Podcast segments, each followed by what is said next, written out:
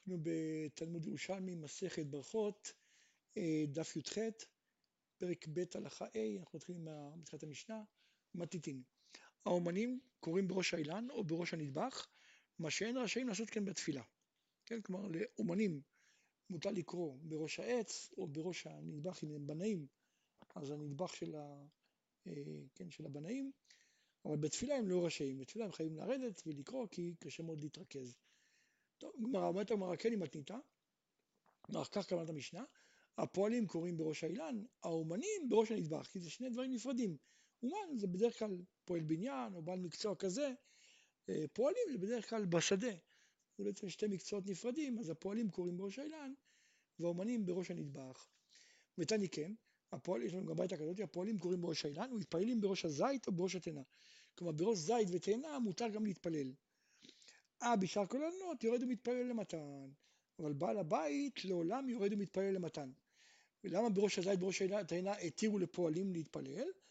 אז רבי, בניגוד לשאר האילנות, אז רבי אבא ורבי סימון את רבי הונא מרין, מפני שטרחותן מרובה, כלומר לעלות ולרדת זה לוקח הרבה זמן. אז לכן אמרו שיתפלל אה, בעץ. כן? יש דעה שאומרת זה בגלל שיש להם ענפים מרובים ויציבים, לכן הוא יכול לעמוד אה, ולהרגיש יציב ובטוח, ואז הוא יכול להתרכז בתפילה. אה, תני, הכתף, אף על פי שמסעו על כתפו, הרי זה קורא את שמה. אבל לא יתחיל, לא בשעה שהוא פורק, ולא בשעה שהוא טוען, מפני שאין ליבו מיושב. כלומר, כתב מי שסבל, אז שיש לו מסע על הגב, הוא יכול לקרוא קריאת שמע, אבל לא בזמן שהוא מעמיס או פורק, כי אז באמת לא יכול להתרכז. בין כך ובין כך, להתפלל עד שיפרוק. כלומר, להתפלל, קריאת 18, אסור לו, כשיש לו מסע עליו, עד שיפרוק. ואם היה עליו מסוי של עד ארבעה קבין, מותר. כלומר, מסע קטן, עד ארבעה קבין, מותר. אפילו להתפלל. אמר רבי נתן, והוא ששיקל. כלומר, דווקא אם המסע נמצא בשיווי משקל. מה הוא שיקל? תן חלקים לחורוי ואחד לקמוי. כלומר, אם הוא שם שהמסע שני, שני שליש מאחור ושליש קדימה, זה בעצם אה, מצב של יציב, אז זה לא, לא מפריע לו להתרכז. אה, תני, לא יהיה מרמז בעיניו וקורא, כלומר אסור אפילו לרמוז עם העיניים בזמן שהוא קורא שמע. תני, הפועלים שהיו עושים מלאכה אצל בעל הבית, הרי הם מברכים ברכה ראשונה, מדובר פה של ברכת המזון, אז הם מברכים ברכה ראשונה, כי היא דאורייתא ממש, וכוללים של ירושלים ושל הארץ, כן, וחותמים בשל ארץ. כלומר, את שאר הברכות הם מחברים ביחד. כלומר, ירושלים ו, אה, ושל הארץ הם מאחדים ביחד, כן, וחותמים בשל ארץ. אבל אם היו עושים עמו בסעודתן, כן, כלומר אם המשכור, אין להם משכורת אלא מקבלים עובדים תמורת אוכל, או שבעל הבית היה אוכל עמהם, הרי מברכים ארבעה ברכות. כלומר, גם את הטוב המטיב. כלומר, לא מדלגים, כן, לפי הדעה הראשונה, כמו שאמרנו, ברכה ראשונה אומר את כולה, שני הברכות, אה, בני ירושלים ועל הארץ, מאחד אותם ביחד, אבל הטוב המטיב הוא מדלג. אבל אה, אם במקרה בעל הבית אוכל איתם ביחד, או שזה המשכורת שלהם, האוכל זה המשכורת שלהם, הם מברכים את כל ארבע ברכות. אמר רבי מנה, זאת אומרת שאסור לעשות מלאכה בשעה שמברך. כלומר, אם אתה אומר לי שהוא לא מזכיר את הברכה הרביעית, ואומר ברכה אחת רק ואת השניים כולל, כנראה שאסור תוך כדי עבודה, כי אחרת הייתי אומר לו, אוקיי, ברכה ראשונה שיאמר אותה כמו שצריך, את השאר הברכות יקרא, אבל תוך כדי עבודה.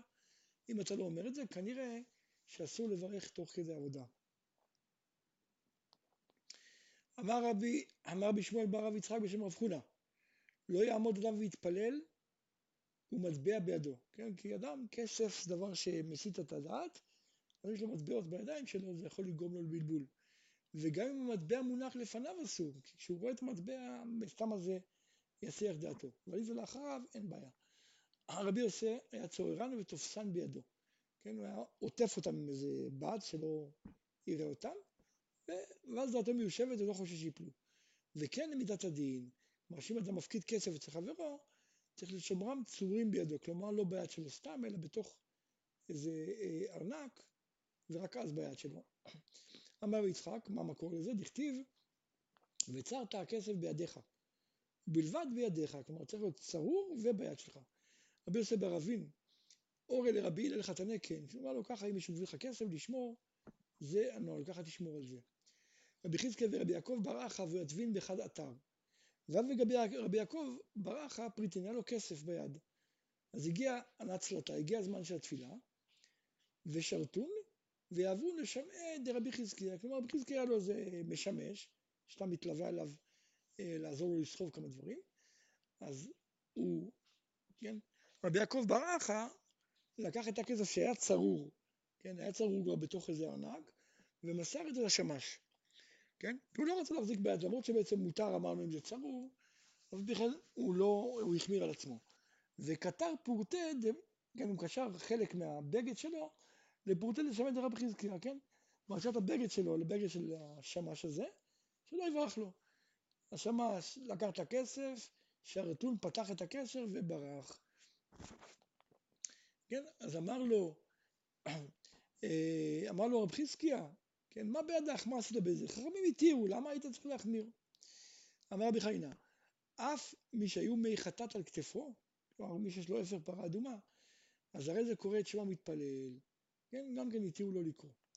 אה, אמר רב חונה, אדם הרע שקריאת שמע בתפילה אינן צריכות כוונה, כן, כי אם היה צריך כוונה, אז המים מחטאת היו נפסלים בהיסח דעת, כי הוא צריך להתרכז במשהו אחר.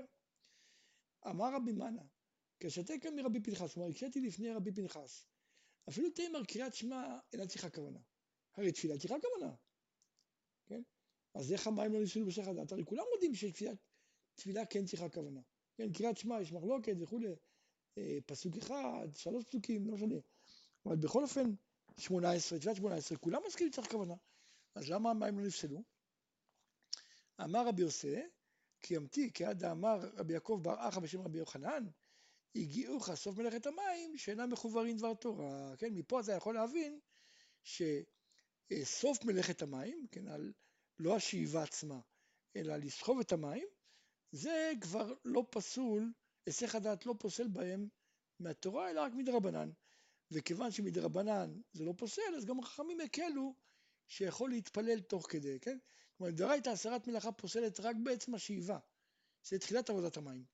אבל סוף המלאכה, כלומר נסיעה זה רק חומר דרבנן, והם הקלו שיכול להתפלל ולקרוא קריאת שמע. במשנה בפרק ב' הלכה ו', משנה אומרת, חתן פטור מקריאת שמע לילה ראשון. עד מוצאי שבת הוא לא עשה מעשה, כלומר אם הוא לא אה, בעל בית מצווה, אז נתנו לו עד מוצאי שבת. מעשה ברבנו גמליאל שנסע וקרא לילה ראשון. כן, קרא קריאת שמע, אמרו לתלמידיו למתנו רבנו שחתן פטור, אז למה אתה קורא? אמר להם, אני שומע לכם לבטל ממני מלכות שמיים אפילו שעה אחת. למרות שפטור, אני מחמיר על עצמי, כי אני לא מוכן לוותר על עול מלכות שמיים. אה, גמרא, תנן, חתן פטור מקריאת שמע לילה ראשון, עד מוצאי שבת אם לא עשה מעשה. אמר רבי אלעזר בן אנטיגנוס בשם רבי אלעזר ברבי ינאי. זאת אומרת שמותר לבעול בגלל בתחילת שבת, בשבת. כלומר, אם אתה אומר שנותנים לו עד מוצאי שבת, סימן שגם בשבת התירו לו לבעול בילה ראשונה. אמר רבי חגי קמא רבי יוסי, אפילו תימא אסור, כלומר אין פה ראייה. גם אם נגיד שאסור, כן, אפשר להעמיד את זה באלמנה, כמו מה שכתוב פה. אה, נתנו לו זה הכוונה באלמנה, שאינו עושה חבורה, כלומר כיוון שהיא לא בתולה, אז זה לא עושה חבורה ולכן מותר. אמר לו, איך אפשר להגיד דבר כזה? ואת ענינן ארבעה לילות.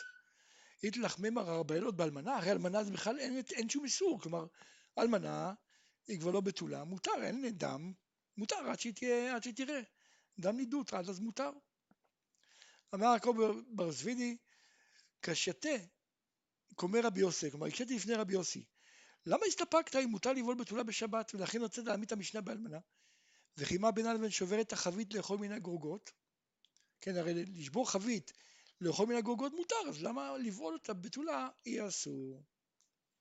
עד כאן.